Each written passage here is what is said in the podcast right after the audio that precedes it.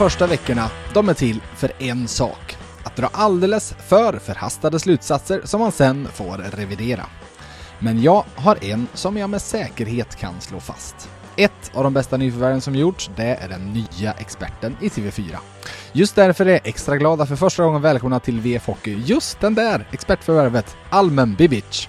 Tack så mycket. Känns det bra att göra VF Hockey-debut? Ja, det är bara debuter det. för dig nu för tiden.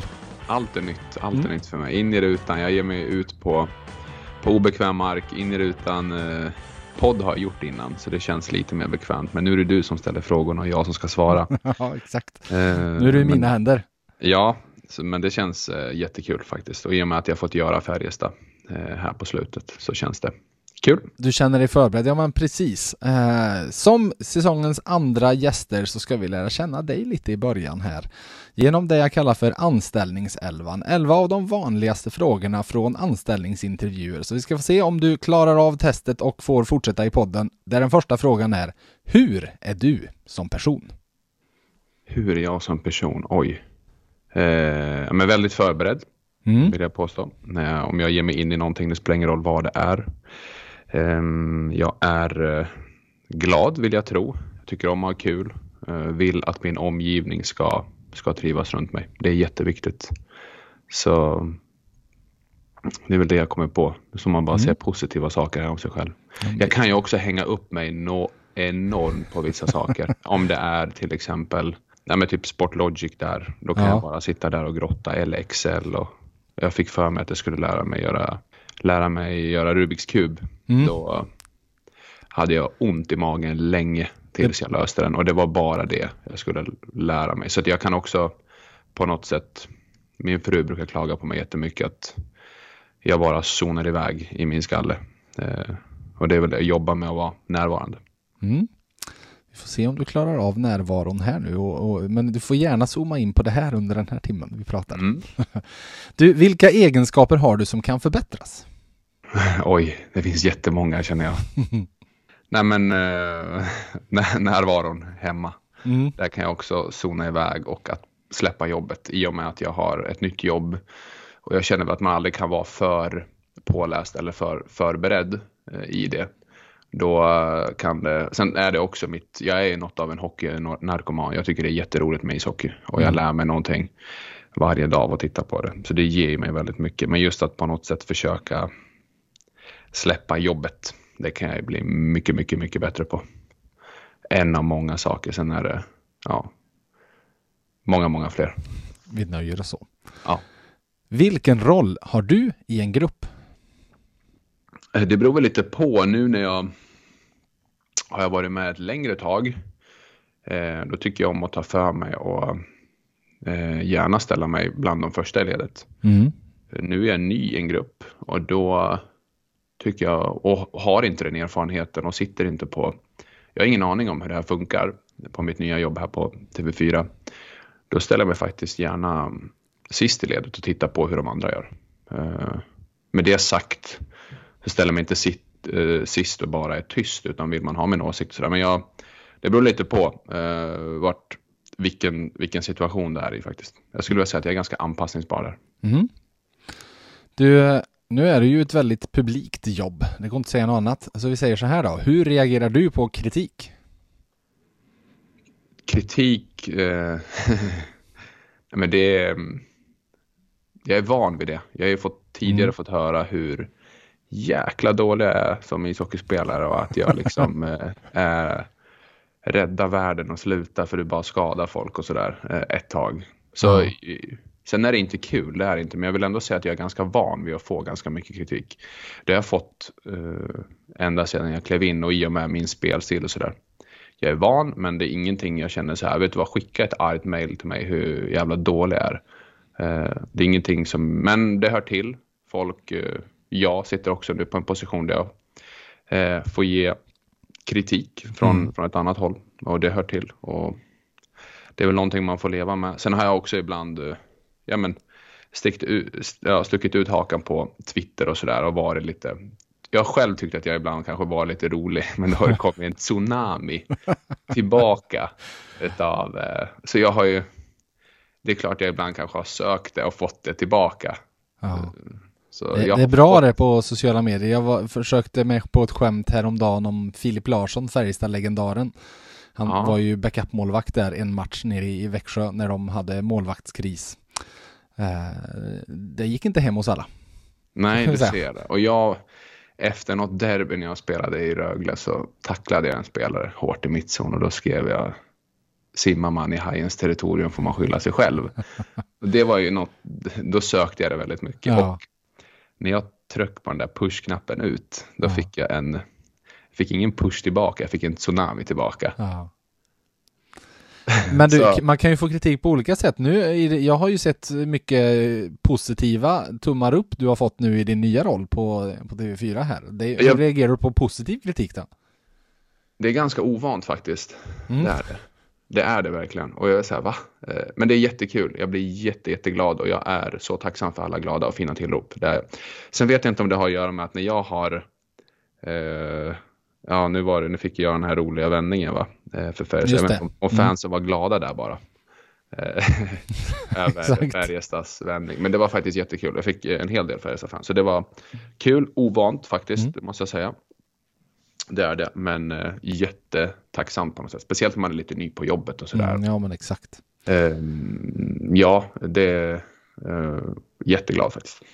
På tal om det då, vad är framgång för dig? Framgång för mig. Vad är det? Ja, vilken bra fråga. Mm. Den kan ta en åt olika håll. Ja.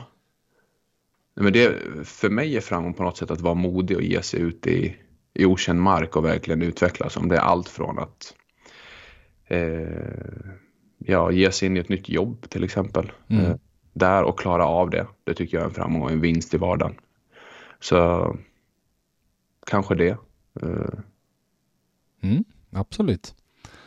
Vi tar nästa. Hur jobbar du under stress? Ehm, hur jobbar jag under stress? Jag vet ju när jag var liten grabb, då fick jag alltid jobba i, i pizzerian hos pappa och det var stress hela tiden.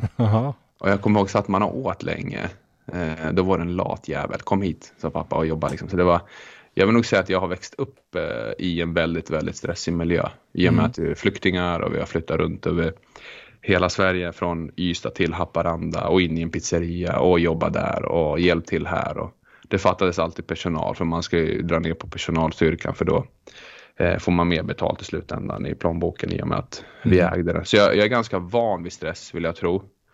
Eh, jag tror jag blir lite mer skärpt och jag har inte upplevt att jag har blivit paralyserad än. Och det är väl någonting i rutan till exempel när det händer någonting. Ja. Eh, eh, så har jag ju, är glad över det att jag har mycket av det i min ryggsäck till exempel. Som, ja men, ticka Ejdsell. Det var kanske ett, ett, ett uttalande där man får, vad tycker du om det? Då ska Mm. man ju ha, komma med någonting man tycker med på ett nyanserat sätt som man också kan stå för i, i efterhand. Så Ja, för det är, ju det, det är ju det som just det mediet gör när det är livesändning. Du har ju liksom inte tid att tänka efter.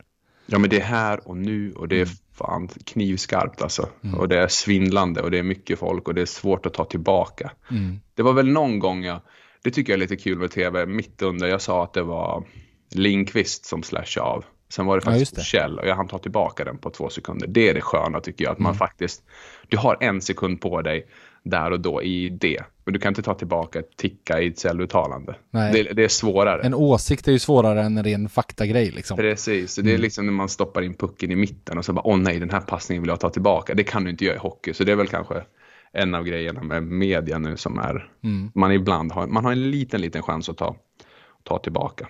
Jag brukar ju alltid prata om sportjournalistik. Skillnaden mot annan journalistik är att i, i vanlig, om man säger så, icke-sportjournalistik så kan du bli ganska hårt hängd fall du har fel meningsbyggnad och så vidare, fall du uttrycker Mm. dig fel med sådana grejer. I sportjournalistik blir du ju hängd om du skulle säga att du skulle ha fortsatt och kallat Lukas Forsell för Mikael Lindqvist tagit fel på dem liksom. Eh, det är ju då, jag vet någon kommentator för något år sedan som, han sa fel på en spelare hela matchen och trodde det var den andra och han är ju liksom bränd i de tittarnas ögon nästan. Så, Nej, det- eh, men man, det, är väl, det är just därför så eh, det är ju bra att ta tillbaka det och visa att oj, sorry jag gjorde fel. Då tror jag de flesta accepterar det. Ja, och det, och sen tycker jag nog att Forsell och Lindqvist är lite likare rightare storleksmässigt snipe. Men det är värre ändå... om du skulle kalla Joel Kjellman för Daniel Wiksten bara för att det är nummer 13. Liksom. Oh, ja, den. Man ser inte skillnad på left och right. Nej, liksom. Då är det jobbigt. Då, du byter jobb nu. Ja. Du, du var inne på att du har, har bakat lite pizza, men för nästa fråga är vad har du jobbat med tidigare som vi andra inte vet? Finns det någonting mer där i den påsen att plocka upp? Mm, får jag tänka här. Nej, eh, det, det är helt till i pizzerian. Mm. Eh.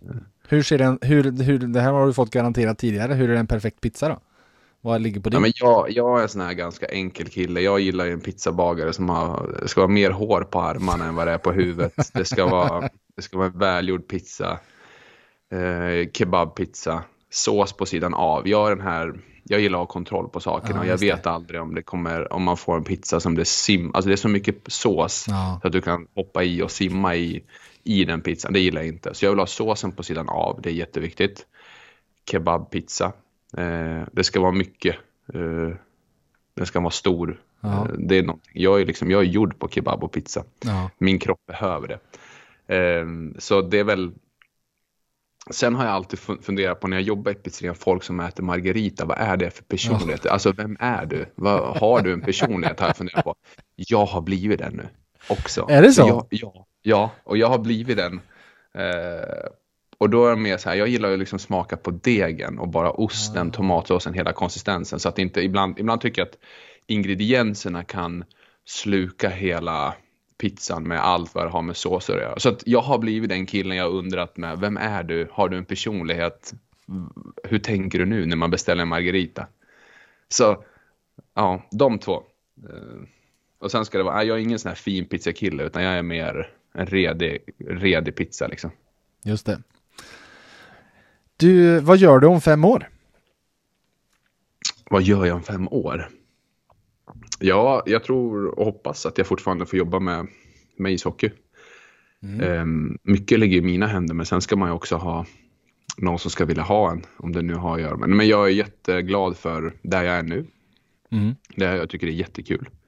Eh, otroligt spännande, lärorikt för mig och man får sitta och plugga på motståndet och spelarna och vad de gör och, och det ena och det andra. Så jag hoppas fortfarande att jag är kvar i, inom idrotten på ett eller annat sätt. Eh, sen är det hård konkurrens om platserna. Väldigt många duktiga i, i de här jobben. Så jag är glad om jag är kvar där jag är faktiskt. Mm. Vad gör du på fritiden? På fritiden är jag med min familj väldigt mycket. Så eh, då är jag med min fru och mina barn. Det är liksom, de är etta i ledet och sen har min, min familj har flyttat ner till, eh, vi är ju från, eh, jag har växt upp i Rättvik mellan mm en by mellan Leksand och Mora.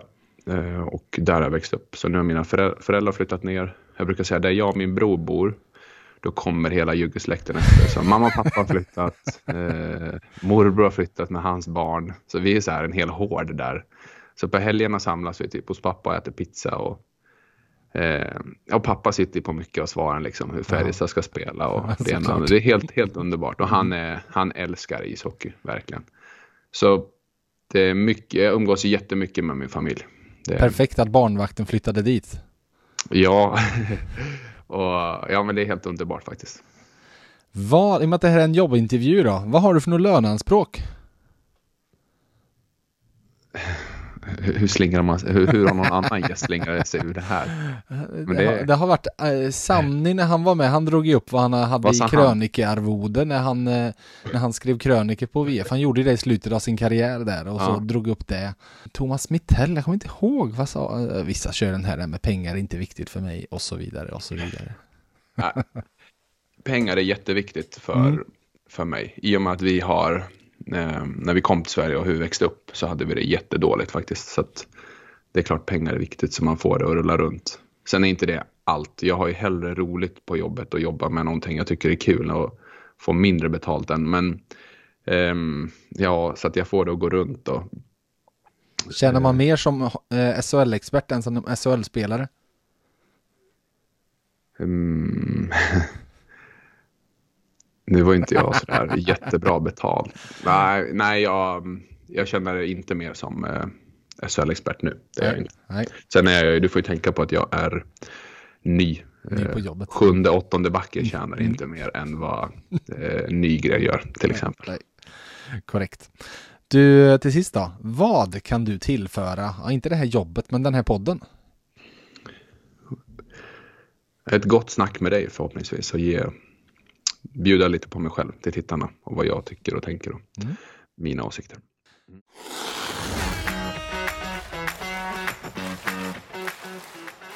Hallå där!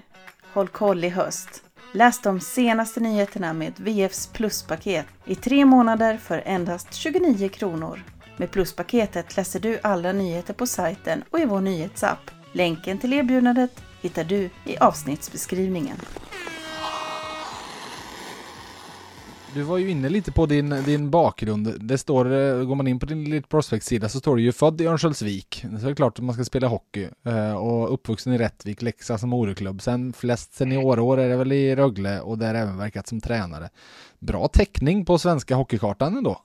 Ja, men det var väl det ganska utspritt för oss när vi kom till Sverige så var det in i Ystad och så var det runt på alla eh, flyktingförläggningar runt om i Sverige och så föddes jag i Örnsköldsvik men det var ingen större stopp där liksom och det var inte tanken att nu har nya Peter Forsberg fötts här utan det Nej. var eh, fanns nog inte, ens en tanke på ishockey. Men det var nog Rättvik eh, och där fick vi lite fäste, eller jag. Ja. Ett Lek- Leksand är jättestort där. Ja. I alla fall när jag var liten. Och Mora också. Så det, man var ganska inklämd mellan. Är det en delad stad så sett?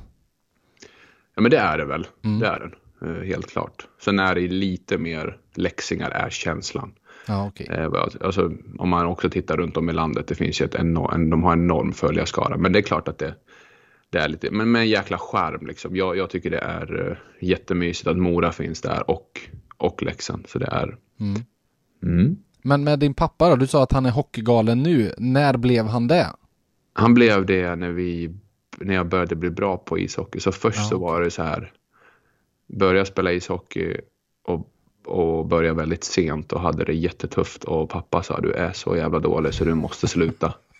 och då har jag tänkt på det mycket med att jag haft ett eget inre driv. Ja. Jag, nej, nej, du är så dålig liksom. Så ja, men jag kämpade på liksom. Det är ingenting jag råder någon annan att säga. Men det var hans sätt att uttrycka sig. Ja, Ja. kanske visst det var det klumpigt. Det är någonting jag aldrig hade sagt. Men Nej. Eh, Jag älskar honom ändå. Ja. Men, ehm, och sen gick ju åren liksom, man tragglade sig fram och jag var ju väldigt tidig in i puberteten. Ja. Eh, Och stor, vuxen så jag använde min kropp och liksom spelade väl på exakt samma sätt sen jag var liten och folk sa alltid så här, det här kommer aldrig gå liksom. Ja, när du kommer upp i J18 då kan du inte spela så där, jag tacklades ännu mer. När du kommer upp i J20 det kommer inte, jag tacklades ännu mer. Men han började väl tycka om det någonstans när jag blev 15-16. Då var han ju helt liksom bara så ett tag var jag hade ju såna enorma skador ett tag. Så var så här tveksam om han ska sluta. Och då bara, ja men då blir pizzerian. Så han tvingade. Jag bara, nej, nej, nej, nej, nej. Nej, jag vill inte tillbaka till den här pizzerian. Den är också en, en grym skola på något sätt för mig. Jag är glad att jag har gått igenom Med någon slags skräckblandad förtjusning kanske? Ah, fy fan, alltså du vet de här pizzasåserna och stå och fylla dem. Man får ju ont i AC-leden, du vet när du för 200 gången eller skala 10 kilo säck lök. Alltså den lukten från händerna släpper inte på någon dag. Nej. Så det var jättebra skola. Nej, jag ville inte dit för jag visste att det fanns något mycket, mycket bättre. Men han var, och nu är han ju hockeytokig och jag är själv hockeytokig. Men ibland när man bara vill, så här, nu ska vi ta det lugnt på en söndag här och inte göra så mycket, ja, då kan det ju liksom, ja, Kristianstad, Tingsryd, åka upp på tvn. Han bara, kan vi inte bara stänga av? Men han tycker det är kul. Så det är Ja, okej. jättefint vilket intresse han har fått från Ja. att typ avsky sporten, att fan kan inte ni sluta bara? Mm. Ni, du. Mm. Mm. Han fick ju tyvärr rätt där 2019 med att du slutade och visst var det väl hjärnskakningsproblematik till sist? Ja, Hur Det var- många hade du åkt på? det vet jag inte riktigt. Jag har ju liksom, eh, men det får ju tänka på att jag tacklades ju. Delade ut över 100 tacklingar per säsong och eh, i flera, flera säsonger. Och jag gick ju verkligen efter de här stora smällkaramellerna i mittzon. Mm. Och det många glömde bort det var att när jag delade ut dem så fick jag också ibland. Alltså det blev som en klonk att man slog ihop hjälm mot hjälm. Så, ehm, det var, ja, jag har faktiskt ingen aning, men det var ju de här i slutet där mot, får se nu, när jag skulle tackla någon i Timrå tror jag det var, mm. minns jag inte namnet. Det, då faller jag ju som ett höstlöv och sen har jag ju lite för bråttom tillbaka, man vill skydda sin mm. plats. Och det här är ingenting att jag skyller på någon, ingen tränare som sa åt mig du måste tillbaka, det var ingen. Mm. Men som, som back, och jag var ingen, jag var inte den här som stod, som fick liksom etta, tvåa, trea i laget. Jag var alltid den här sexa, sjua, femma, sexa, sjua. Eh, du vet när man ligger hela tiden och naggar på kanten. Så jag ville bara skydda min plats och tillbaka.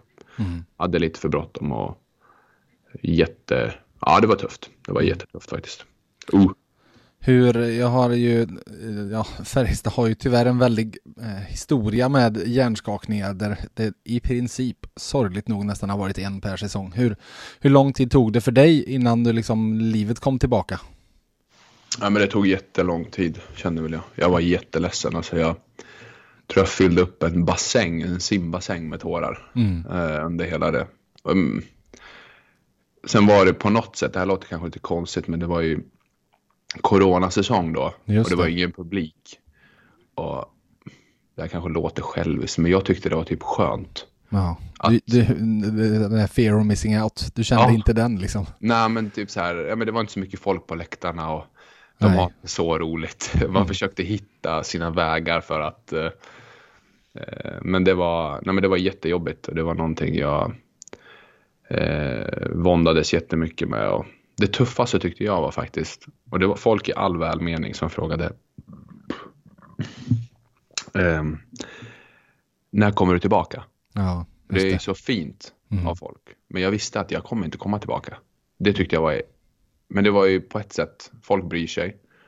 Men jag visste innerst inne, då skulle man stå där och bara hålla tillbaka. Man kände, man var ju typ ständigt överfullt glas. Mm. Nej, det var, det var en jättejobbig tid och så fick jag liksom frågan om jag ska ge mig in i hockeyn och bli hockeytränare. Nej, fan.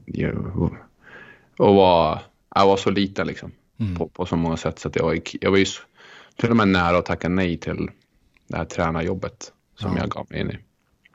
Ja, för det blev ju via Rögle och juniorerna där var väl första, eller hur?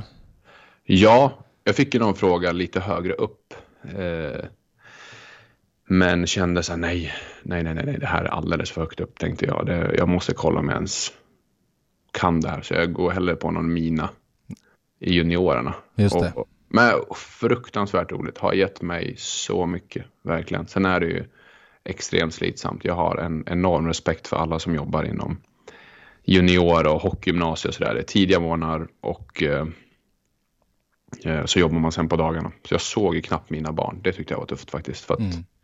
På morgonen var jag uppe innan dem, låste upp hallen på Åge. Sen när de kom hem, då var jag på träningar. Och sen ja. vid 6, 7, 8, när man kommer hem, då, då lägger de sig för att de ja. är små. Så det var det som, eh, och det enda min, min grabb frågade mig, ska, det enda, jag ska, pappa ska vara på hockey. Pappa ska vara på hockey. Så han var ju så här, när jag nu slutade på det här och började på det nya och då frågade han hela tiden, ska du på hockey nu pappa? Nej, jag ska ingenstans. Så det, jag får mer tid med barnen nu ja. i alla fall. Ja. Vilket är jätteskönt. Men visst har du kvar en fot som tränare ändå, även nu? Det har jag i eh, juniorlandslaget, U18-landslaget. Förbundskapten vi har med oss, det är fint. Ja, mm. Eh, och det var en sån här, eh, ja men vilken grej att få representera Sverige. Ja, mm. Det var, jag var ju aldrig så där jäkla duktig så att jag fick, det var, jag var ju på någon landslags så här inför U16 det var, det var det närmsta jag kände att jag var ett landslag. Mm. Men när jag fick stå där första gången med eh, sån här Tre Kronor slips och höra nationalsången efter en vinst.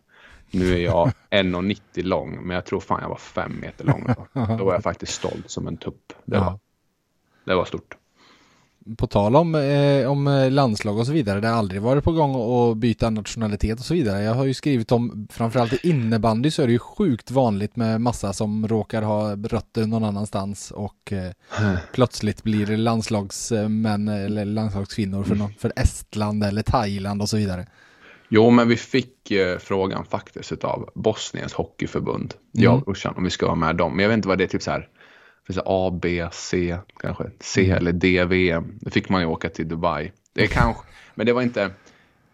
ett tag. Man hade man alltid haft liksom så hoppet uppe om att få eh, representera Sverige, så jag ville inte bränna den. Och sen Nej. hade man inte så en tillräckligt bra bonus. Så att vid landslagsspel får du eh, om man hade lurat en sportchef, ge mig en miljon om jag kommer med landslaget. Då hade jag kunnat liksom göra om och, och bara, ah, men Bosnien, det gäller väl som landslag. Mm. Eh, men nej, det blev aldrig jag. Men vi fick frågan och det var lite kul faktiskt. Ja, du hade kunnat Så- åkt ner och varit poängkung. Ja, eh, ja men tänk dig. Eller stackars, kliva upp i mittzon och släcka några stackars. alltså nej, det... Eller så hade man ju känt bara hur det är att känna sig som typ Sidney Crosby. Ja, typ. exakt. Jag vet inte. Eh, Vinna mot Spanien och så vidare. ja men typ. Och jag, dit. Jag, jag, jag var i Barcelona en gång och råkade gå in i, eh, så var det en ishall och så var det FC Barcelonas hockeylag som mötte Montpellier och det var inte långt ifrån att jag själv hade kunnat hoppat in på isen och spelat och jag har aldrig kunnat åka skridskor. Så, ja, men du ser. Mm. Eller typ, jag undrar, vem hade jag varit då om inte jag får spela första PP? Hade jag varit den här, är det samma Almen? Nej, jag vet inte. Det hade varit, eh, nu, nu blev det inte av, men en sån här, en lite rolig grej faktiskt. Mm. Och, ne, nu kan ju inte jag kalla mig som före detta landslagsspelare, men det hade jag kunnat gjort om ja, jag ja, ja, ja där. precis. Ja. Berättar om, du kan, kunde åkt runt och föreläst och berättat om din karriär från, från pizzerian i Rättvik till landslaget och så vidare. Det är ju det är en bra rubrik. Ja, verkligen, det är det. Du, du har ju poddat själv. Eh, ni höll på i ett halvår, eh, men eh, den, den finns inte kvar, Bröderna Bibic podd. Hur, eh, vad hände egentligen? Nej, men tanken var ju, eh, jag löste lite på högskolan och Mm. fick det som, hade en jättebra lärare i Tobias Stark. Ehm, och så, så har jag väl alltid haft en liten dröm om att starta igång en podd och sådär. Och, och sista uppgiften kunde jag då göra som, istället för att skicka in någon jättestor tenta så kunde jag göra det som poddformat. Just det. Och så var tanken att eh, ja, men jag hörde med min brorsa, vi gjorde någon rolig logga för att driva med oss själva. Det tyckte jag var lite, alltså vi har ju suttit i utvisningsbåset och Ja. så i utvisningsbåten, utvisningsbåset med bröderna Bibic. Mm. Och det tyckte jag var lite kul att skapa och sådär. Och sen hade vi med någon. Så tanken var ju bara att ja, men vi kollar vart det här leder. Och så tänkte jag, men det blir väl så här några hundra som lyssnar kanske på sin höjd. Och då Ja. kände jag mig ändå ganska kaxig liksom. Eh, Men det blev ju mycket, mycket, mycket större än vad jag trodde. Och vi seglade väl upp på någon topplista i Spotify Ja. på sportpoddar och, och det gav ju en jäkla... Det var jättekul, men det, i och med att jag hade ett, ett jobb, barn, eh, landslagsjobb och på det så... Du vet ju själv om du ska Ja. ha med någon gäst så vill man ändå vara lite förberedd och läsa på. Det tar sin tid. Ja. Så vi bombade på det och träffade någon SHL-tränare som sa att de lyssnar. Jag blev så här, oj, lyssnar du? Så det gav en ännu större så här. Och um, nej, det var jättekul, men det tog ju en gång i veckan körde vi och vi hade ju sådana höga krav. Jag vet, jag vet inte om det var Ja. varje måndag den kom ut, Ja. jag och brorsan. Så när barnen la sig, för det går inte att spela in när de, nej det var så mycket, det var så roligt, så bra, så utvecklande med alla gäster och sådär. Eh, och tvingas lyssna på sig själv i en timme. Mm. Det vet du själv när du, om man ska korra. Nej, eh, jätterolig resa, kul. Som nu är lagd på is, men man, eh, ja, vi, du har ju tvingat mig att ta fram min eh, Mm, exakt, dammat av den. Den har dammats av och den funkar fortfarande hoppas jag. Ja, det, vi får se. Vi får se vad som händer. Men eh, du fick ju då, du gillade det ju, så då tänker jag att eh, nu ska du få hockeypodda allt vad du kan idag eh, och Ja, prata lite hockeyämnen också. Jag har suttit och spanat ut över SHL och hittat några grejer jag lagt märke till och så vidare som jag tänkte nu har vi en expert som gäst, nu ska han få lägga ut orden om de här ämnena och vi börjar med den här. Hockey har ju sitt ja, inom citattecken. Man ska spela om man så har brutit båda benen och amputerat en arm och tappat synen på båda ögonen. Eller hur? Det är ungefär så det är synen. Då är man ju en riktig hockeyspelare. Får man fortfarande spela då, eller hur? Ja, Sen finns ju den här då, ja, men jag vill inte skylla på skador och så vidare. Men min spaning är, pratar vi inte ändå lite för lite om skador och dess betydelse? Och jag tar till exempel som exempel Marek Rivik, som vi ju nu ser hur han flyger fram och är ett ånglok på isen igen efter att förra säsongen ju knappt kunnat åka skridskor och uppenbart spelat skadad hela säsongen. jo, det gör vi. Eh, bra spaning. Tack. Och ja, men, ja, men det, ishockeyn är ju så, det är så mycket yttre trauman man kan råka ut för en skottblockning som kan hämma din skridskoåkning eller vad det Vi har Magnus Nygren till exempel mm. med hans otäcka fotledsskada som ser alldeles vidrig ut. Han har ju en resa kvar att göra och det är mm. klart att uh, det, är, det är så mycket som vi heller inte vet om, vi experter till exempel. Jag vet själv när jag drog en AC-led i i, eh, och en AC-ledskada är då, ska jag försöka förklara det, en, som en axelskada. Det ligger mm. ett ligament om jag har förstått det rätt vid nyckelbenet. Det gör så ont. Det är så ont. Typ som att, det känns lite som att man har brutit nyckelbenet, men du kan spela ändå. Ja.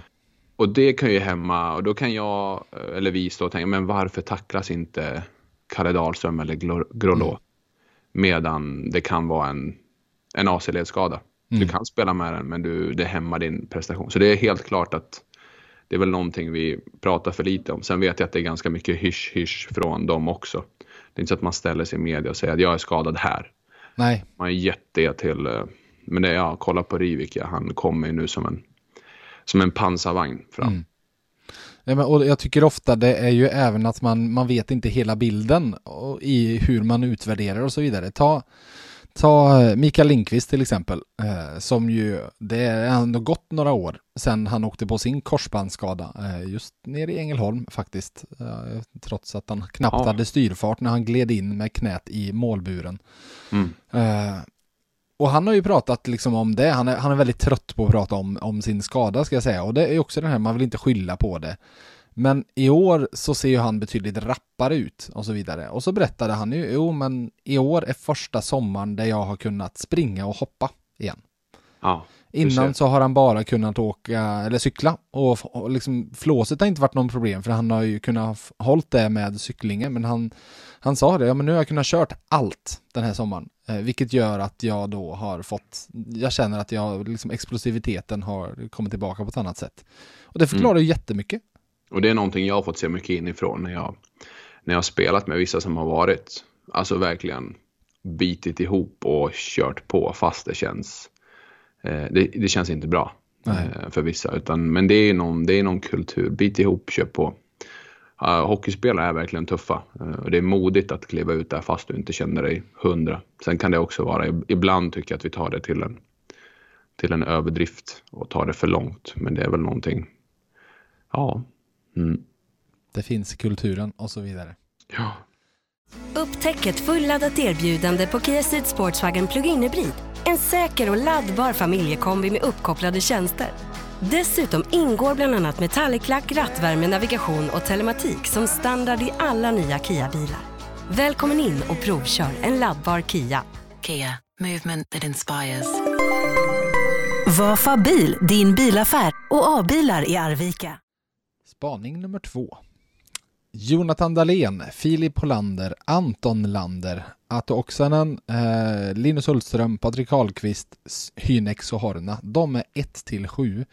Om jag vidgar till topp 20 så hittar jag även där Mikael Linkvist, Jonathan Pudas, jo, eh, Jonsson uppe i Skellefteå och Robert Rosén. Vad tror du det är för någon lista jag pratar om? Eh, spelare som var inne på flest baklängesmål. Ja, sämst plus minus. Ja, är det. ja det är så. Eh, det, alltså, de där första, det är alltså topp sju i SHL, de som har sämst plus minus i hela SHL och vi snackar ju några av de absolut största stjärnorna. Mm, jag såg den, eh, jag vet inte om du såg intervjun med Wikegård och Jonte Dahlén. Nej, den missade jag. Ja, och då fråg, det, var, det var jättespännande att se när, när Niklas ställde lite frågor om, eh, att han har högre krav på dem och vad är det som händer. Och Jonte, liksom, ja, det var faktiskt imponerande. Han bara, det är för dåligt, vi tappar puckar på blå, vi är inne på flest baklängesmål. Vi, ja, eh, det, var, det var verkligen att se sig själv i spegeln på alla sätt och vis. Så det känns som att han är medveten om det. Om vi nu tar Jonte Dahlén, mm. pekar inte finger på någon annan än sig själv. Jag satt och tittade på eh, matchen här nu. Eh, när de spelar någon match. Och de får ju de får det ganska bäddat med offensiva tekningar och sådär. Sen mm. skapa, mm. de, de skapar ju också, det gör de. Men pucken vill inte in och då kan det bli kan växa sig till ett större problem mentalt. Men det är klart att det är jätteviktigt för till exempel dem att de ska göra mål och mm. Oskarshamn med deras start liksom. Eh, mm, jättespännande. Spännande. Mm. Men vi är ju jättetidigt in på det. Det är liksom så här. Det är så gott att dra efter fyra matcher. Titta på powerplay, hur dåligt det är. Mm. Men man får ge det lite till. Eh, några matcher till va? Tills man kan ja, vi, Färjestad har nu gjort en liten ändring idag i sitt. De har plockat bort Mikael Lindqvist från första formationen och satt in Joakim okay. Nygård där eh, idag på träning. Eh, Sen är det en liten gåta för mig att de har, senaste tre åren, 10, 9, 9. Mm. 13 PP-försök nu, två mål, 15,38 procent. Och då gjorde de ju ett mål när, eh, i 5 mot 3 när eh, Mm, och det andra är Mars. i ett, eh, en fl förlängande kontring när Joel Kjellman gjorde mål. Det är inte uppställt PP. Nej, precis. Så där lämnas en hel del. Sen det här med flygande kontring eller tre, alltså ta de här ingångarna. Det är jag svag för i ett PP. Det tyckte jag var svårt. Nu har inte jag spelat PP, men jag vet att i en bo ett boxplay eh, Eh, när folk ska upp och pressa hårt högt upp i banan. När man tar vara på det och går på ingången, första ingången, det tror jag jättemycket på. Säger en kille som aldrig har spelat. Nej, men eh, och en kille som heller aldrig har spelat men har sett väldigt mycket hockey i Karlstad runt millennieskiftet så kan jag ju säga att det var en väldig framgångsfaktor då för de två som härjade väldigt mycket, eller ibland var de tre, två eller tre, men eh, Jönssonligan med Jörgen Jönsson, Peter Nordström och Pelle Pressberg ofta. Det var ett sätt de hade i powerplay. Eh, ja, men det ställer en fråga direkt i boxen i och med att du måste alla måste kollapsa runt målet, kaos, och vad är det som händer? De är först på nästa puck, man kan börja spela runt. Mm. Mot att du kommer in i zon och bromsar upp för att så, nu är vi inne i zon, nu ska vi ställa upp. Ja, precis. Du, vi skiter den här tre mot tvåan. Jag åker mm. ner här i hörnet, ställer upp, passar runt fyra passningar. Sen får vi börja anfalla. Mm. Nej. Ehm, mm. Tredje spaningen. Nu ska jag läsa ett citat. En trotjänare fick gå och en annan varken C eller A på. Eh, känns som det saknades ord där, men det tar slut där. Är detta vad vi vill ha? Ett själlöst lag där ingen jobbar för mer än vad plånboken tar. Visa hjärta eller dra. Vad tänker du kring Oskarshamns banderollen? Ja, nu har ju jag såg det där. Eh, och eh, ja, det känns som att kraven har ökat mm. eh, från fansen på, på Oskarshamn och det, det har det gjort från från alla oss runt i media också. Det känns som att säga, Oskarshamn har varit en ganska eh, det är ett lag man placerar långt ner. Pang, ja nu har man liksom botten. Mm. Nu har de åkt upp um, men inte börjat speciellt uh, bra. Det är ett lag som har trotsat alla siffror de senaste vad två, tre säsonger med allt vad det har att göra med uh, expected goals, corsi mm. och sådär. Men ändå på och även lönebudget kan vi väl även säga också som en siffra de har trotsat. Ja, det har de. Jag är jätteimponerad över det. Men nu har de ju fått in liksom Oskar Engsund eh, som bör kunna hjälpa dem i deras dåliga boxplay, försvarsspelet. Marek Langhammer ska ju vara en toppmålvakt. Så att, eh, ja. Eh, vi kan ju säga att eh, support, den officiella supporterklubben den gick ut i barometern där och tog avstånd från banderollen och så vidare. Men det gör ju ofta faktiskt officiella supporterklubbar. Eh, de, men tycker jag är bra. Men... Ja, och de, det är ju, i deras fall är det ofta att de inte vill stöta sig med klubben och så vidare. Ja. Men min känsla är att det är inte, alltså det, jag tror nog att den här banderollen säger mer om liksom nerven och känslan hos gemene Oskarshamnssupportrar än vad supporterklubben som vill ha en god relation med klubben eh, ja, tänker och tycker. Men sen fyra matcher in, att eh, det känns lite, lite. Jag, jag, tycker det känns hårt och jag tycker man ska eh, stötta, stö, stötta sitt lag. Sen är det bra att den officiella supporterklubben tar, tar avstånd. Men du var inne på det som sagt, det är fyra matcher, men det är 17 mål också. Eh, och Va, är inte det här ändå att det är den stora, stora utmaningen för Oskarshamn? Just att en spiral som gått uppåt och krav som inte funnits där och så finns det plötsligt krav och förväntningar och det är en annan sak att prestera när det finns förväntningar och krav. Ja, eh, det ska bli jättespännande att se hur de, hur de tar sig an den här uppgiften. Så är det, för nu har det verkligen skruvats upp och med, med nyförvärven och man får dit eh, med Lodin, Viktor Lodin, mm. jätteduktig spelare. Man får eh, också dit eh, den här centern, nu tappar jag namnet här på den där unga spelaren.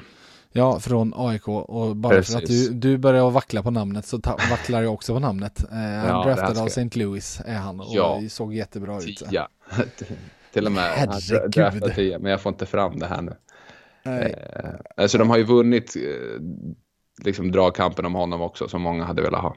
Eh, det är jobbigt när man inte hittar namn, men Dalibor Dvorski är Där det vi funderar på. Dalibor Dvorski. Herregud. Den här, jag har ju liksom, den här killen har jag följt under några år. Jag har ju mött honom Ja. eh, med, min, med mina lag. Just det. Så jag vet eh, vem Dalibor Dvorski är. Det var bara att där blev det ett, ett hål. Ja. Så nej, men de, de har ju också gjort, ja, men, tittar man på Oskarshamn så har de ju ja, börjat eh, norpa sådana spelare och Mm. kraven har åkt upp. Så, eh, sen har man ju jättebra målvakt i Langhammer, Kruse. Eh, där får vi se, han var ju i, Rögle, eh, Mm. fick en chans där och eh, fick han ingen hjälp av försvaret heller men gick ju inte sådär superbra då heller. Eh, sen är ju Oskarshamn ett lag som släpper till väldigt mycket passningar in till slottet om man tittar på den avancerade statistiken. Och det är ju inte till någon hjälp för målvakterna om man vänder på det. Det brukar väldigt, väldigt sällan vara så faktiskt. Ja, men spännande att se var vi tar vägen eh, med allting. Som sagt, fyra matcher in, det är, eh, det är som gjort för att eh, vara fel ute med alla spaningar man gör nu. Jag tror just med avancerad statistik så är väl någon tumregel, tio matcher ska det ha gått innan man kan börja dra. Jag tror Wilderot har pratat om det. Mm. Först efter tio matcher kan man börja dra någon slags slutsats kring någonting. Då börjar man ha så pass mycket data att det faktiskt går att säga saker om det man ser framför sig. Jag säger inte emot Wilderot i den. Jag håller med. Där, där någonstans kan man väl börja. Mm. Du, innan vi går vidare till poddens andra halva där vi ska sätta Färjestad under lupp har jag tänkt mig så är det dags för mig att lämna ordet till Christer på ICA Maxi Bergvik för att han ska ge er den femte ledtråden i den här säsongens stora lyssnartävling.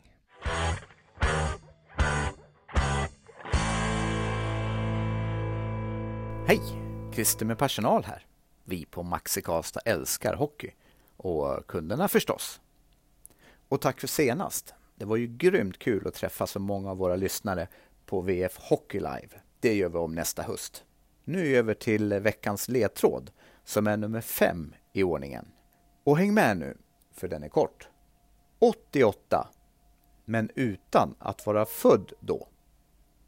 Lycka till med veckans ledtråd så hörs vi i nästa avsnitt av VF Hockey.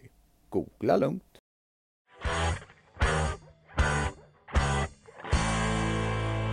Samla alla ledtrådar och mot slutet av säsongen kommer jag be er mejla in det ni tror är det rätta svaret. Där utser vi två finalister som i nästa års livepodd, alltså hösten 2024, kommer ställas mot varandra i en rafflande duell och göra upp om presentkortet värt 5000 kronor och en helårs plusprenumeration på VF. På livepodden vi hade nu så samlar vi in flera tusen kronor faktiskt till Ayabaya Cancer. Den ideella förening som jobbar för att underlätta vardagen för barn och familjer som drabbats av bland det värsta som finns, just cancer. Christer är, som ni vet, stolt ambassadör för Ajabaja Cancer och därför skänker han 500 kronor i ditt namn, Almen, som gäst i podden till dem. Och han ger även dig chansen att välja en välgörenhetsorganisation som han skänker en lika stor summa till. Vilken väljer du? Jag väljer eh, Barncancerfonden. Mm, du går på lite samma tema. Ja, eh, men jag är också så här, eh, i och med att vi, eh, vi kommer från kriget, min familj och så där, så jag har tänkt på kriget i Ukraina och Mm. det är ju, det var det tuffaste när du skrev Mm. den här podden. Vad ska jag välja? Jag gick in på en sån där hemsida, bara, åh, vad mycket grejer. Men Mm. när det kommer till barn och cancer, det tar ännu djupare på något sätt tycker jag. Mm. Eh, så eh, jättebra och kul att få vara den som trycker en femhunka ditåt. Fint, fint. Du, ja, den frågan ställde jag ju till dig som sagt innan du kom hit och jag gav dig ju även en annan liten uppgift i podden idag. För som du sa i början, du har ju kommenterat Färjestad både mot HV och mot Malmö senaste veckan. Och då har ju du fått sett dem på plats. Och jag vet själv, alltid när man ser ett lag på plats och faktiskt kan titta exakt där man vill eh, och inte bara, bara det som tv-kamerorna fångar upp om man säger så, så får man ju en liten annan uppfattning om saker och ting. Så frågan jag ställde till dig, plocka ut fem spelare du av ett eller annat skäl lagt märke till under säsongsinledningen nu du sett dem på plats under en vecka. Vad har du för någon första? Nummer ett är eh, Nygård. Mm. Eh, det är, han är ju svår att liksom inte lägga märke till. I, jag slås av hans spel i, i boxplay. Mm. Vad jobbar han fram där? Eh, han har jobbat fram en hel del lägen. Jobbat fram straffen till Ejdsell till exempel. Just det. I spel 5 mot 5 eh, har en extrem impact på spelet. Sättet han tar pucken med kontroll över motståndarlagens defensiva blå linje. Då. Det är imponerande. Och det hårda jobbet tillbaka. Alltså det är, eh, jag är jätteimponerad över sättet han spelar på. Eh, det måste jag säga. Sen Som, jag, som, som back, liksom, eller som gammal back där, hur, hur högt tror du liksom backarna i SHL har han på listan över spelare du tycker det är jobbigt att möta? Är det liksom, är är han jobbigare än en Karlqvist med all sin skicklighet, eller hur ja, tror du? ja, jag möter både på olika sätt, men jag möter hellre Karlqvist eftersom jag vill tro att jag kan kontrollera det bättre i och med att han inte har den farten. Men jag vet att han kan slå passningar igenom. Men Nygård, det är så här, man pratar ju så mycket om avståndskontroll, gapkontroll, du ska ligga nära. Det går inte att ligga nära Nygård. Eh, på ett sätt, för då, då, då kommer han runda dig och få det att se ut som en kon. Men du kan heller inte backa av för långt, för då ger du upp blå linjen, då kan han ta den centrala isen. Och då, så att han får dig att se dålig ut nästan vad du än gör. Och jag vet, eh, jag fick frågan av honom, men hur stoppar du en Ferrari då? Eftersom du var eh, mitt uppe och sa det sen. Ja, jag, jag var en Fiat, det handlar om att köra in i honom innan Ferrarin har fått upp farten. Det är Ja. typ så. Ja. Eh, jag är, eh, sen har jag faktiskt, jag är lite svag för Nygårds eh, story när han var mycket, jag har ju mött honom i, eh, i J18 faktiskt. Just det. Mm. Och det var ingen I- kille, och det- det- I Sunne då? Eller i, Ja, i Sunne, precis. Och det var ingen kille jag... Eh, det var ingen kille som kom in på de stora hockeygymnasierna. Det är det jag är svag för. Det tycker jag är lite kul. Och värt att sätta lampan på. Märkte man Eh, skridskoåkningen då? Ja, fan. Det, det var ju någonting med det. Det var några mer som var riktigt Ja, bra. Jakob men- Lilja hade du, Ja, var i samma lag. ja. Simon Mattsson var i samma lag. Ja, Mm. ja, ja, ja, ja. ja. Eh, så vi, och vi hade ett stjärnspäckat eh, team 93, eller team Ja. 93, 94 då. Så vi åkte till Sunne och skulle ju bara städa av det här gänget. och Nygård bomba på med åkning. Och Jakob Lilja gör bort vem han vill. Och Simon Mattsson, det var några fler. Det Ja. var... Så de som... Eh, eh, ja, men du lite- har i, i mål, jag tror han var kvar då, men det är ju eh, Jakob Johansson i Timrå. Stod ju där också. Ja men gud, du ser. Eh, hatten av till de som skötte det intaget och som såg. Ja. Jag vet inte vilka det var men eh, hatten av till dem om de lyssnar. Det är jätteimponerande att ta. Och sen blir de, ja någon säsong senare är de sönderryckta. Men det, det där gillar jag lite med grabbar som tar en annan väg. Eh, kommer inte in på de tyngsta hockeygymnasierna men look at me now tror jag Nygård säger.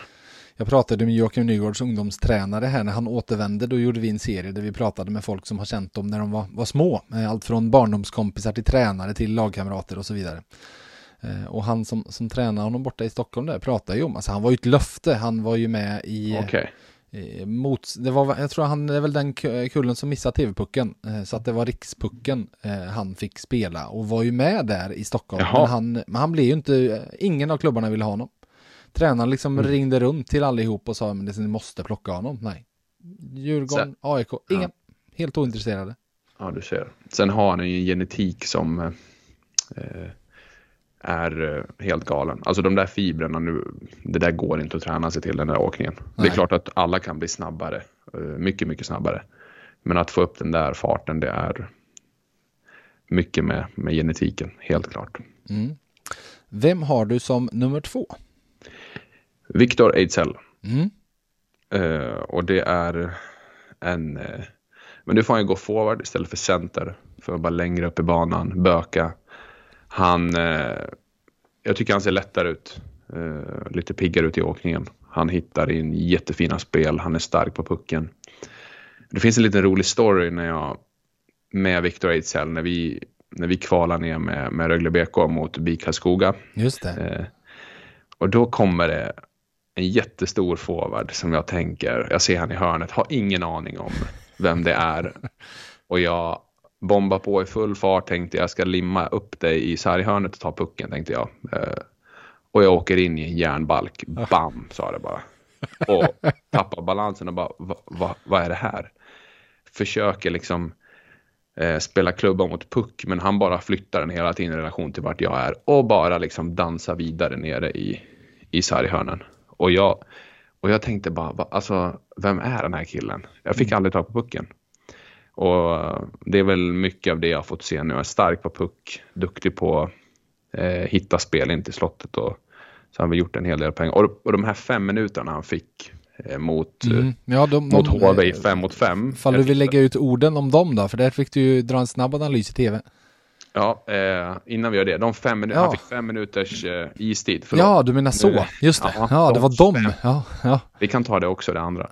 Eh, de fem minuterna han fick i spel 5 mot 5, jag tog ut lite roliga siffror. Alltså han har ju jättefin statistik där. Han hittar in spel till slottet, han har skott från slottet, han skapar. På de fem minuterna skapar han mer än vad många, många andra gör under en hel, hel match. Så det, det tyckte jag sa en hel del. Och sen om vi går till just den situationen. Eh, så tyckte jag att ja, båda skulle ha en två var. När jag tittar på den, det var ju ganska så hastigt in i det. Du vet sändning tre, väldigt mycket. Tittar jag nu igen så tycker jag inte jag, jag tycker Ticka ska ha mer än Ejdsell. ja men det var faktiskt en faktor jag ville, ville dra upp och det var Ejdsell blev vansinnig själv.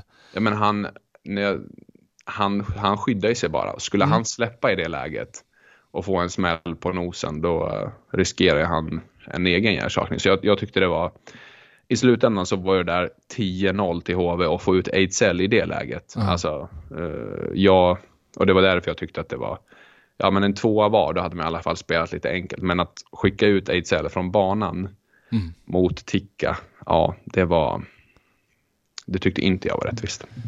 Nej, jag, jag, jag tänkte faktiskt, jag tyckte det var ganska tydligt redan när jag såg det live att min känsla var att Victor Ejdsell inte ville slåss. Eh, Att han höll emot och det var Ticka som var den drivande i hela, hela situationen. eh, Så, Ja. sett. så eh, jag kan faktiskt förstå att han blev, att han blev irriterad. Och det blev han sannerligen när han satt där på, på sargen och gastade. Ehm, Vem har vi som nummer tre då? Linus Johansson, Mm. eh, fyra mål i fjol. Eh, visst, han spelar inte alla matcher, men eh, eh, har nu gjort tre mål, två assist. Eh, var inne på sex framåt och bara ett bakåt. Och jag tycker att eh, han leder det här Färjestad eh, på, ett, på ett jäkligt bra sätt. Han är tung på pucken. Han, är, han står för mycket av den här tyngden. Han är stor hydda. Eh, och, ja, jag, sen tycker jag att det är en rolig profil att följa faktiskt. I och med att var han intresserad av fiske liksom. Eh, alltså, vad är det? eh, och känner inte honom alls. Men på något sätt för något år sedan, för många, många år sedan, så gled jag in i samma Fortnite-kanal. Så spelade vi ihop. Det var, Ja. Eh, så ja, via gemensamma vänner så flög man in i samma skåd. Ja, okej. Med det sagt så spelar jag inget tv-spel längre. Utan eh, jag har växt upp. Har han också växt upp? Har du uppgifter på det eller? Eh, jag, jag vet ingen aning faktiskt. Men med Linus Johansson, han får ju ofta mycket hyllningar för vem han är vid sidan av isen och så vidare. Eh, du var inne lite på där med, med att täcka puck. Alltså han är ju stor, men han är ju inte, vi pratar ju inte Ejdsell stor. Vad är det som gör att det är så svårt ändå att ta pucken av honom eh, som back? Men han är duktig på, det är ju det här, ständigt flyttar den. Han, han har en bra känsla på att känna vad trycker backen, vad kommer bladet mot mig och så flyttar han den. Han flyttar den, har den sinnesnärvaron. Det kan vara hur stor som helst och världens längsta klubba. Eh, Men har du inte det här sinnet att förflytta pucken i relation till vart försvararen är, då Mm. kommer han ta den ändå. Och det är han ju jätteskicklig. Eh, Men han är väl ändå 1,90 eller? Är jag Jo, helt han är ju ute? inte, nej han är ju inte, men han är ju fortfarande inte 110 kilo alla Ejdsell liksom. Nej, Ejdsell är ju 1,95 och 97 enligt EP. Ja, Så nej, nej, nej. Ejdsell är en, är en ännu högre upp. Ejdsell känns ibland som den här, nu är det mycket tv-spelare, men du vet när man kunde vrida upp vet, allt på, på, när man kunde göra det, egen spelare. Ja. Störst storlek, Mm. du vet, vrupp, dra upp den.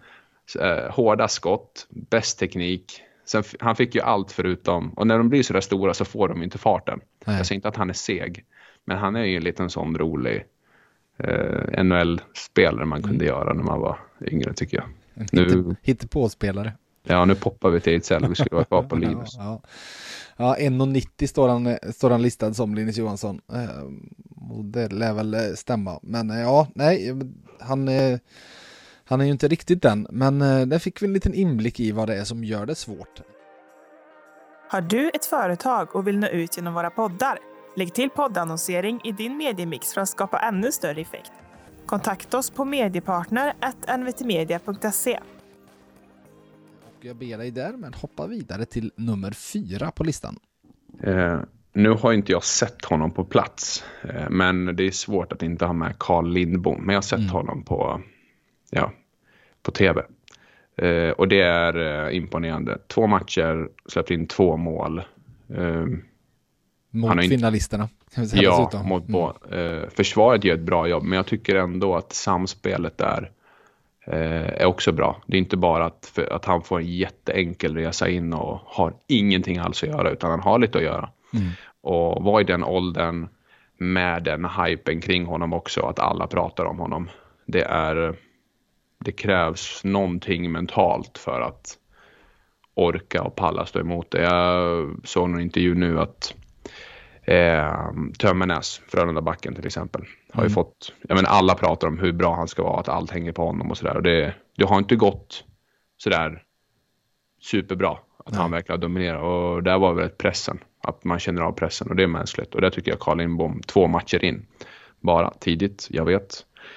Men eh, pratade även lite med Masken, målvaktstränaren, och frågade vad han såg i honom och det var en kille som är Ja, han har hur stora ögon och öron som helst. Han vill bara bli bättre. Han är sådär, han har ett sånt här galet inre driv.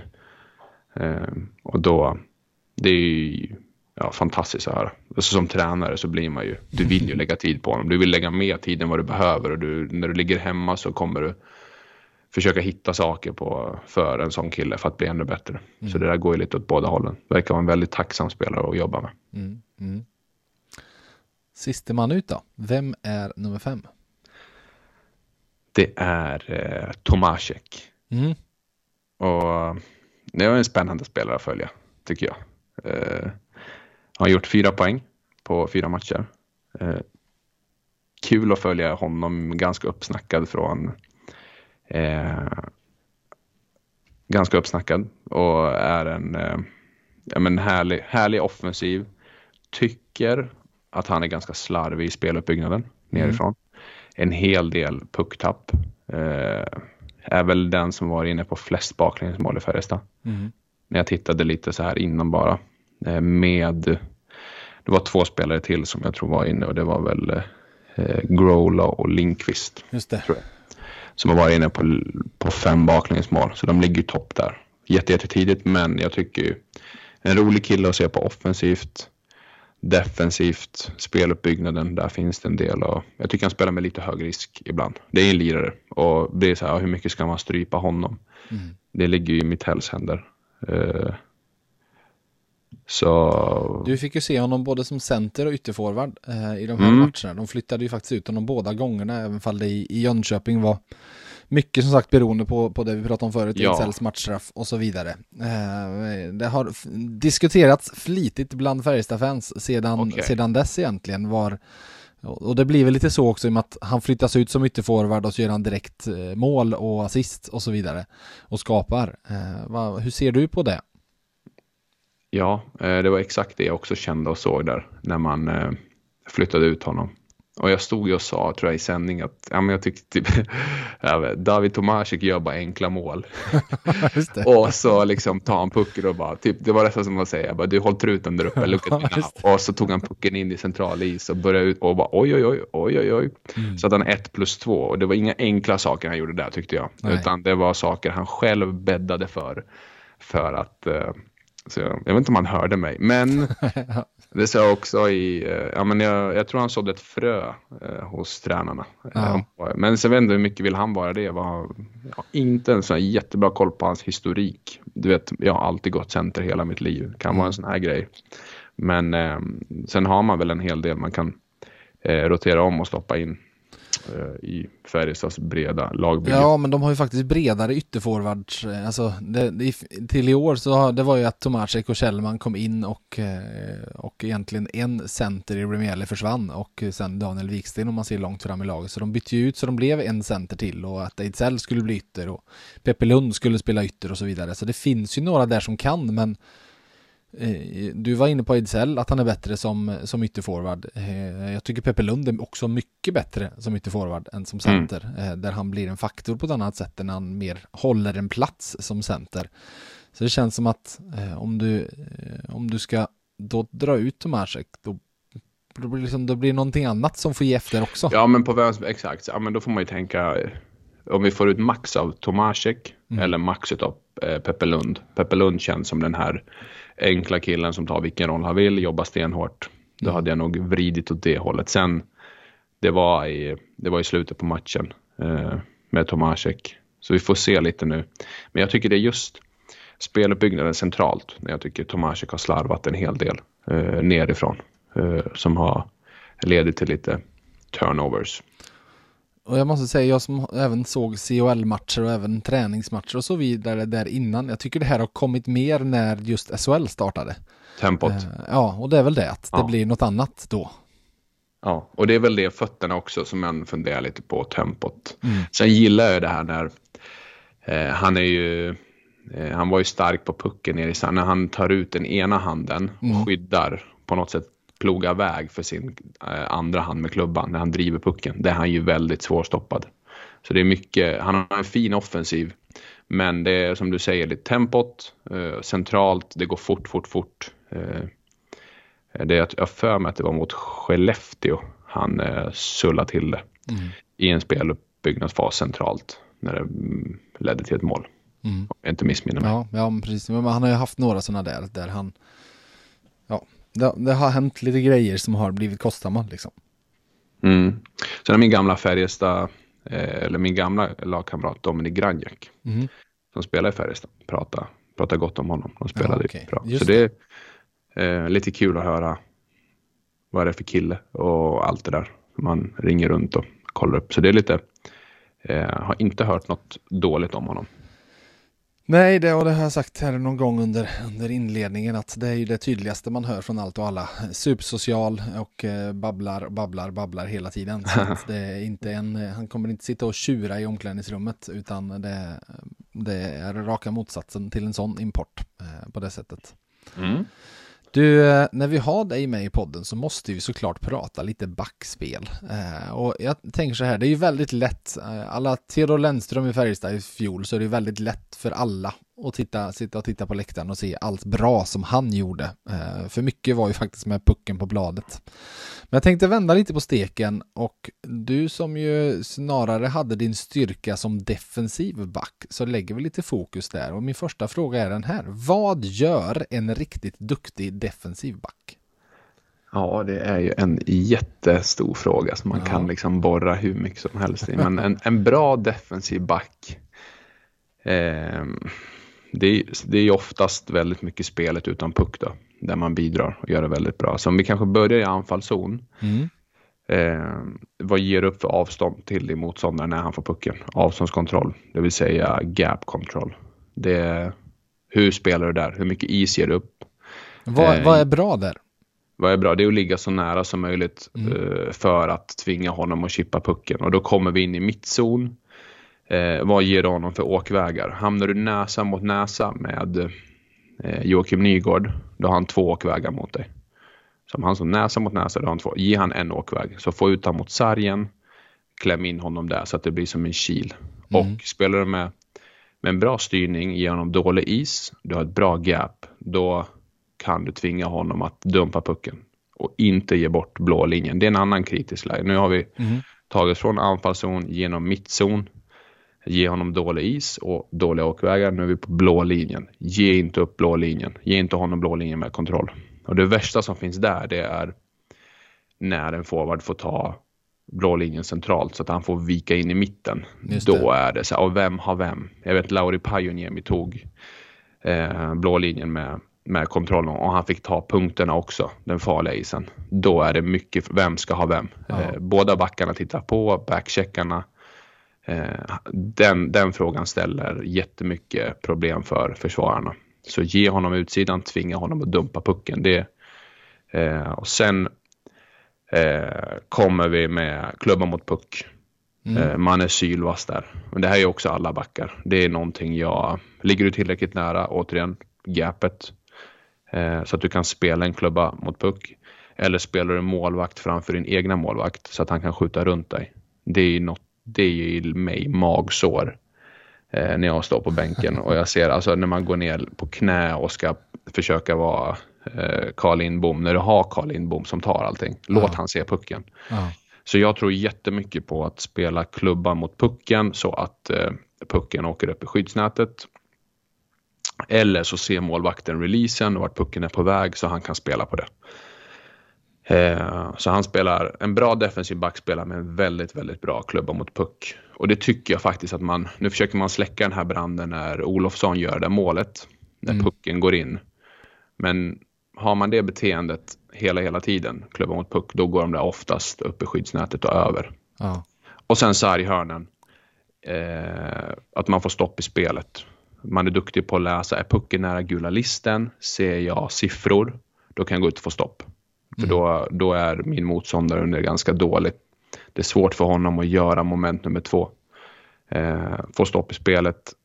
Och efter det, vad händer när han spelar lågt till högt? Så vi säger att vi, Olofsson i Malmö spelar upp till sin backpolare Olas Mattsson. Vad gör jag som back då? Blir jag åskådare och tittar på, ja, titta på vad som händer med Olas Mattsson eller börjar kapa åkvägar för Mm. Olofsson på väg in till målet? Att jag hela tiden gör allt för att vägen in till målet ska vara lång, den ska vara mödosam, den ska ta tid som kvicksand. För då får Carl Lindbom fri sikt, han plockar den, min korg ser ut som skit, men vem fan bryr sig för vi släppte inte in mål. Typ. Jag vet inte, nu svävar jag iväg lite här. Ja, Eh, nej, men det var perfekt att få liksom alla skeenden på isen. Ja, jag försökte det- ta det. Jag försökte Mm. ta det genom en liten resa, Mm, Almens resa från anfallszon ner till ja, mittzon, blå linjen, klubba mot puck. Sen har jag säkert missat så här. Ut i sarghörnen och in framför mål Ut i igen. sarghörnet, mina sarghörn, där tyckte jag om att böka liksom. Men du har inte Men sagt någonting om framför mål egentligen nu. Jo, bra, bra, bra. Eh, För bra att du- klubba mot puck, då pratar vi väl egentligen Ja. ofta en liten bit ut från mål. Bra. Fan vad bra att du kommer den här, för den hade jag faktiskt missat. Eh, ditt nätfrontspel ska ju vara ruggigt. Eh, har, har man väl tagit sig in där, då, då tror jag jättemycket på att spela med klubbkontroll och positionering. Mm. Att du är stark på returerna. Eh, får se nu när Malatti, vem var det som gjorde mål nu när det var Malatti som missade den dåliga klubbkontrollen på, på en Färjestad-spelare som slog in returen. Nu, Lukas Forsells mål. Nej, eller var det, nej, Ja, i, I, i HV. Ja, just det. Ja, vilket av målen? Ja, men det var ju Marcus Westfeldt på efter Tomasek Ja. hade dribblat in där. Precis. Där, just den, den eh, returkontrollen, där ska det vara två händer in under klubban, ät upp honom framför mål och där är nästan allt tillåtet när det blir ett öppet mål. Mm. Eh, så just nätfrontspelet ska jag ju, och det är någonting som aldrig kommer gå ur tiden tror jag för backar och backspel och sådär, att vara, att vara kung framför mål, Ja. Eh, hjälpa din målvakt på returerna, det får ju liksom alla målvaktstränare att vilja älska dig när du som backtränare. Så hjälpa där. Så nu, nu tog vi med, bra att du ställde den frågan också. Det är missat säkert eh, fler. Men kommunikation också. Alltså Mm. hur du kommunicerar. Den är ganska svår att läsa av uppifrån. Men jag vet ju när jag fick spela med jag brukar skämta när jag tog Chad Billings till OS-truppen när han fick spela för USA. Alltså på riktigt. När jag tog mig ut i hörnen, nu är det här spel med puck, men alltså som han kommunicerar med mig, Ja, han styrde mig lite som en alltså Playstation-dosa. ja okej. Han ropade Mirrel, Mirrel, jag slängde in den i mitten, jag hade ingen a- och den kom till honom. Och alla bara, fan vad bra du gör. jag, tänkte, jag spelar med en spelare som är fruktansvärt bra. Sen hade vi ett samspel där jag fick agera plogvagn i sarghörnen, bara Ja. plocka upp folk, han fick hämta och göra de här fina spelen. Så många sådana saker också, du vet, håller upp på tek. Det var som defensiv back varenda tekning. Min enda uppgift var, jag fick ta det här liksom städarbetet. Jag gjorde det med stolthet. Mm.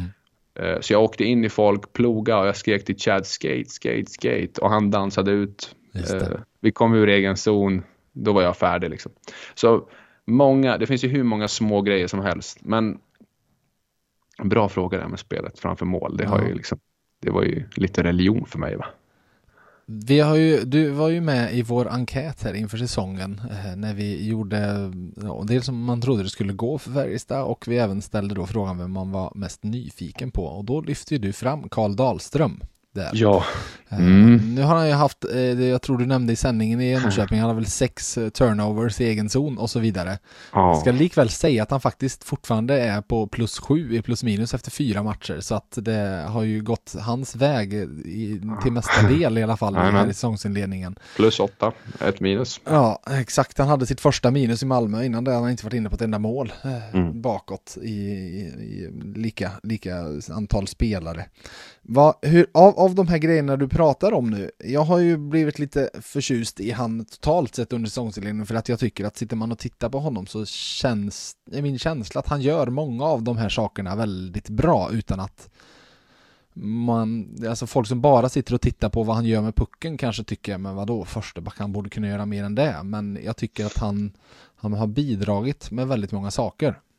Ja, jag tyckte att han var lite slarvig den matchen. Jag eh, var väl ganska rak med det i rutan. Eh, Men det där är en, det där är en kanonvärvning. En, mm. en riktig skrytvärvning liksom. Eh, Det tycker jag. Och han har, och jag håller med, Eh, han är, ja men han har allt det där. I och med att han har en sån storlek och ändå en rörlighet och ett flyt i åkningen. Så när han ställer sig i vägen så är det så lång, lång väg.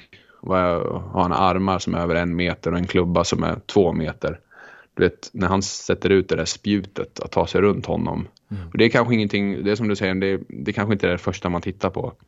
Utan du följer pucken, vad händer uppe vid blå linjerna? Och Mm. så kommer ett skott när Carl Lindbom får fri- sikt och så tänker man, ja men det är väl, det är väl klart. Men vem har gjort det här skitarbetet före?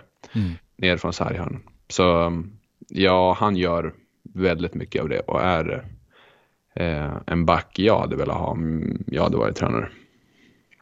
Du som nu har varit, eller är, ska vi säga till och med, tränare och för, för yngre backar. Av alla de här sakerna, vad är svårast att lära ut? Liksom? Nu fattar jag att det är lite olika beroende på vem, vilken spelare vi pratar om, men fall du skulle försöka hitta något generellt, vad är svårast att lära sig för de unga killarna? Mm. Av defensiv back superskills. Ja, men det är det här med spelet framför mål och ha den där rätta känslan att kanske inte. Det är också många, det här med boxa ut, Ja. att du inte slänger in, ha den här sinnesnärvaron var du ska placera dig positionering så du inte slänger in en motståndare framför mål. Som skymmer din målvakt. Vissa boxar ju in, man är så övertaggad och liksom jag måste vinna den här duellen. Ibland på något sätt bara förstå att jag kommer inte ta den här duellen. Det är bättre att han får ta positionen så får jag spela här. Så det är bara att ha på något sätt, jag vet inte, ett jäkla spelsinne i ditt sätt att agera runt mål. Komma först på de där returerna och hitta en väg att eh, vinna, vinna insidan för att inte ge upp. Så det är många, men också det här med eh, inte titta puck till exempel. är Svårast. Det, det är en sån här ganska enkel sak som man säger, titta inte puck. Men när pucken går upp till blå linjen till exempel, då blir vissa att man det är, något, det är någon reflex i oss att man vill eh, att man söker sig upp dit. Mm. Och när jag börjar titta upp dit vad Olas Mattsson gör, då kan ju Olofsson sticka på nedsidan av mig. Ja. Och när han har fått den insidan och, och nedsidan, då är det liksom oj, oj, eh, då vet man att han är först på returen. Mm. De där små sakerna. Och där är vissa jätteduktiga. Sen är vissa bara jäkligt duktiga på att slå sin gubbe. Ja. Men det är mycket, mycket känsla där i spelet runt mål, framför mål, hur du hur du, i boxplay till exempel, det här med linjer från bortre stolparna upp. Jag såg när Brendan Davidson eh, skymde både Kvartsa och sen tar han inte skottet till exempel.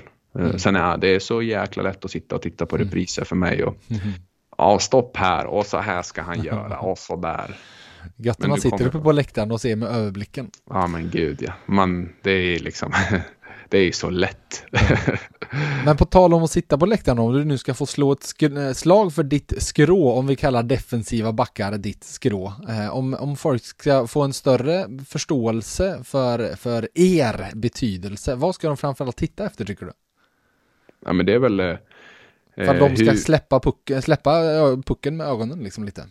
Ja, men spelet utan puck till exempel. Allt det här från sarghörnen och in, in mot mål. Mm. Eh, är det fri sikt för målvakterna, titta då på beteendena runt vad, vad de gör. Eh, det är en tidig utboxning, man äger insidan hela vägen och man gör, man är noggrann där till exempel. Det tycker jag är så här, när man får se de här skotten med fri sikt högt uppifrån. Då känner jag så här, ja men bra backarna. Sen får man ju oj oj oj när, när man vinner insida. Eh, då är det tvärtom till exempel. Då vet man, okej här blev de eh, slagna. Ja. Så titta mycket på det och sen spelklubba mot puck. Det Mm. tycker jag är eh, det är ett liksom så effektivt och bra sätt att försvara på. Eh, och, gett, och ställer mycket, mycket svårare för forwarden att skjuta. Och målvakten kan oftast se vad det är som är på väg att hända. Istället för ner på knä, spela målvakt, in med klubban. Och ibland måste man, det, det kommer ju sådana också, ibland måste du släcka bränder på vilket sätt som helst. Ja men ät den pucken då. Mm. Men i de flesta fall eh, så ligger du tillräckligt nära och har en klubba mot puck och den går upp i skyddsnätet, då har du liksom då ligger du så rätt i positioneringen. Däremot om du har fem skottäck i slottet på din markering när du har spelat målvakt, då tycker jag att då har man legat för långt ifrån fyra gånger i alla fall. Ja, just det. Då har du gjort Typ. saker du inte skulle ha behövt göra. Nej, nej, men det ser, det ser ju faktiskt jättepublikvänligt ut. Ja. Så här, ja, men han äter den där pucken i slottet. Men det är ju så här, Få jubel vet du, det är som att få göra mål. ja, ja. Och det, men eh, han ligger ju för långt ifrån i det stora hela, typ. Mm. Men ibland är det så, ibland händer det saker som är, det blir kommunikationsmissar, någon interferens, vad det nu än är. Då får man spela på det. Är du sugen på att tävla? Nej, för jag har ingen aning om vad som kommer. Du ska få vara med i den tävling som alla gäster i VF Hockey är med om. En eh, På spåret-resa. Eh, där du får ledtrådar på 10 poäng, 8 poäng, 6, 4 och 2 poäng. Eh, men istället för att vara på väg till en ort så är vi på väg till en hockeypersonlighet. Ja, men gud. Eh, Och precis som i På spåret så är det då att man har ju en chans att fråga. Rycker man på 8 poäng och svarar på 8 poäng då är det ju 8 eller 0 liksom som finns. Okej. Eh, Så Okej. att, eh, och jag säger till dig som jag säger till alla gäster, du får gärna tänka högt. Men har du ett Mm. svar, då vill jag att du skriver till mig i chatten så att inte lyssnarna hör ditt svar utan Okej. de ska få alla ledtrådar och få tävla hemma. Är Där någon de går med-? Vad sa du? Är det någon som har tagit på första?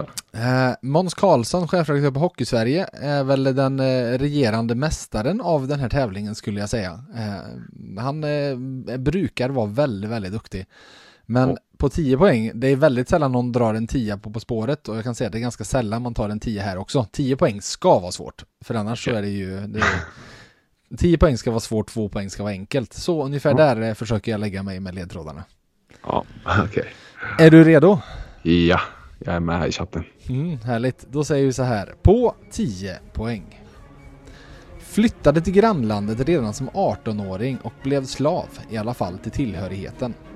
Avslutade 22 år senare i en betydligt mer spartansk tillvaro i samma stad.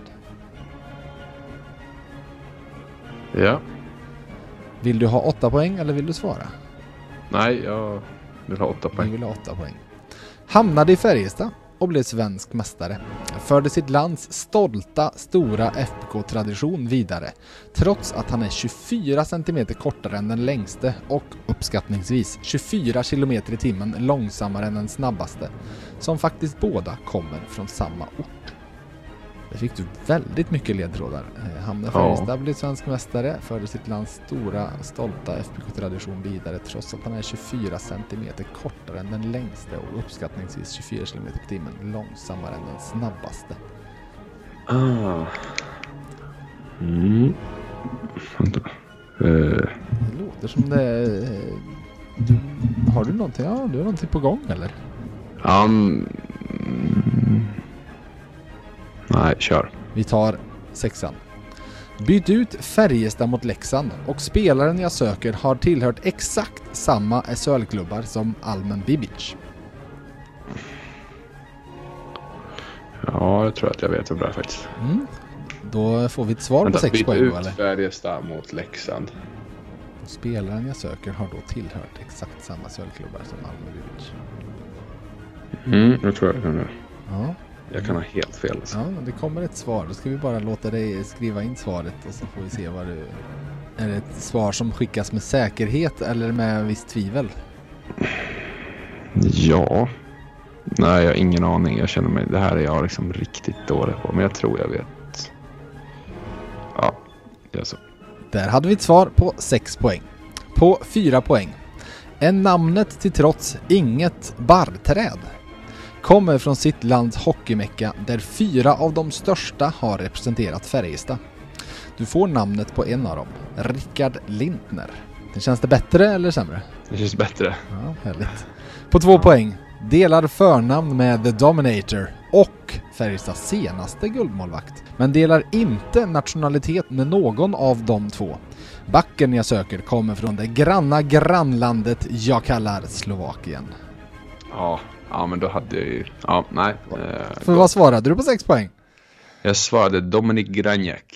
Det är helt otroligt att du kommer in på att prata om honom tio minuter innan vi ska dra igång tävlingen. Ja, och jag, och jag, jag, jag kände att jag hade lite, men bara nej, inte kan det vara det här. Jag, jag tänkte faktiskt ta den på eh, första. Ja. På första, ja men vi hade ju där, han flyttade till grannlandet som 18-åring, eh, blev slav till tillhörigheten. Eh, förstår du ju nu var, vad jag menar eller?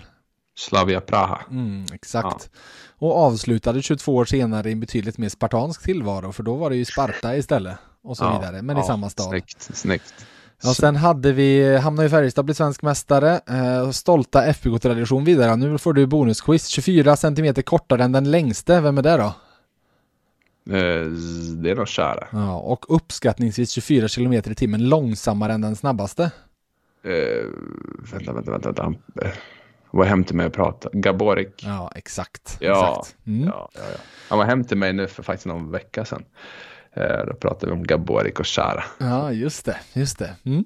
Eh, Ja, det, vi kan väl säga att det var spetsspelare båda två. Ja, verkligen. De är... Och sen har ni ju samma, för att eh, ni har ju båda spelat i Rögle och där var ni ju lagkamrater. Ja. Och han var ju även han i Linköping en vända. Så där har ni ju samma SHL-tavla, förutom att vi byter Färjestad mot Leksand. Och sen Ja. hade vi inget, det var lite ordvitsat, grannjack, inget barrträd, ingen gran. Nej, och snyggt. eh, hockeymeckat med, det är ju Trenchin Mm. han kommer ifrån. Trenchin, där ja. typ alla slovaker kommer och Rickard Linten hade vi. Och så var det lite Dominik Hasek och lite Dominik Furch på slutet. Eh, och sen var det Ja, granna grannlandet jag kallar, grann jag kallar. Där hade vi till och med namnet på något sätt med i alla fall Mm. på slutet. Men sex poäng, det är väl något att vara stolt över? Ja, men det är jag. jag. Jag tänkte så här, ska man skämma ut sig hela vägen? men eh, nej, eh, den kändes bra. Dominik är en mycket god vän faktiskt. Han är det, ja. Ja, Mm. vi blev vänner i, bra vänner i, när vi spelade ihop. Och så har han kommit förbi här. Han var här i, i vintras och var här igen nu för någon vecka sedan. Så vi är, är riktigt fin kille som har ett sånt här jättetjockt hockey-CV och har spelat med, med allt och alla känns som. Ja. En evighetsmaskin som aldrig tar slut. Så Nej, jag, var, jag skrev ju om Färjestad när de värvade honom eh, där och jag kommer ihåg ett träningsläger nere i Karlskrona eh, som de var iväg på inför den säsongen och jag satt ner och pratade med honom och eh, maken till trevlig människa, det är ju den här liksom Ja. som man sitter och ska intervjua en kvart och så plötsligt har man suttit där i en timme för man bara Ja. sitter och pratar. Men det, det, vissa är ju sådär, du vet, bara mot media. Och så Ja. bara, nej, han är inte sådär på riktigt. Men, men Dominic är ju ännu trevligare i verkliga livet. Ja, om han nu var trevlig mot dig. Jag vet inte. Nu drar jag till, men världens finaste. Och jag Mm. brukar säga det, en, en lagkamrats karaktär brukar jag titta Ja, mycket på i omklädningsrummet. Det är hur, nu var han en av de äldre, hur behandlar han de yngsta i Mm. gruppen som kommer in? Där tycker jag, det säger ganska mycket. Och för mig, vem det är. Eh, inte hur han behandlar mig, för då var jag, ja, typ, ja men man hade blivit lite etablerad Mm. och var en tuffing på något sätt. Mm. Utan hur behandlar man? Och han har ju varit, han är guld mot alla. Mm. Det är en eh, eh, supercool kille tycker jag. Mm. sättet han är på. Vilken, vilken bra eh, frå, frågesvar jag prickade in. Fick till och med lite bakgrundsinfo på honom. Ja, verkligen. Nej, det här var kul. Bra jobbat. Ja, och jag säger bra jobbat till dig och stort tack eh, allmänt att du ville vara med och köta hockey i VF Hockey och göra podd-comeback idag då med andra ord. Tack så mycket. Det var kul att damma av eh, poddmicken. Mm. Eh, och skönt att någon annan får ställa frågorna och dra i det hela. Så får man bara surfa med. Och du är ju klar nu, det är ingenting som ska klippas, ingenting allt. Du, vi Ja. lägger på och så är du färdig. Ja, och all skit hänvisas till dig. Exakt. Jag taggar in dig på Twitter eller X eller vad det nu heter eh, så att kan, du kan få lite också tänker jag. Bra, bra, bra. bra. Men stort tack till dig och till er lyssnare. Eh, VF Hockey dundrar vidare. Ni fick veckans lag i måndags. Det kommer vi igen med nästa måndag och om ett par veckor så sitter jag med en gäst och pratar på det här sättet igen. Eh, så tills vi alla hörs igen så får ni ha det så gött.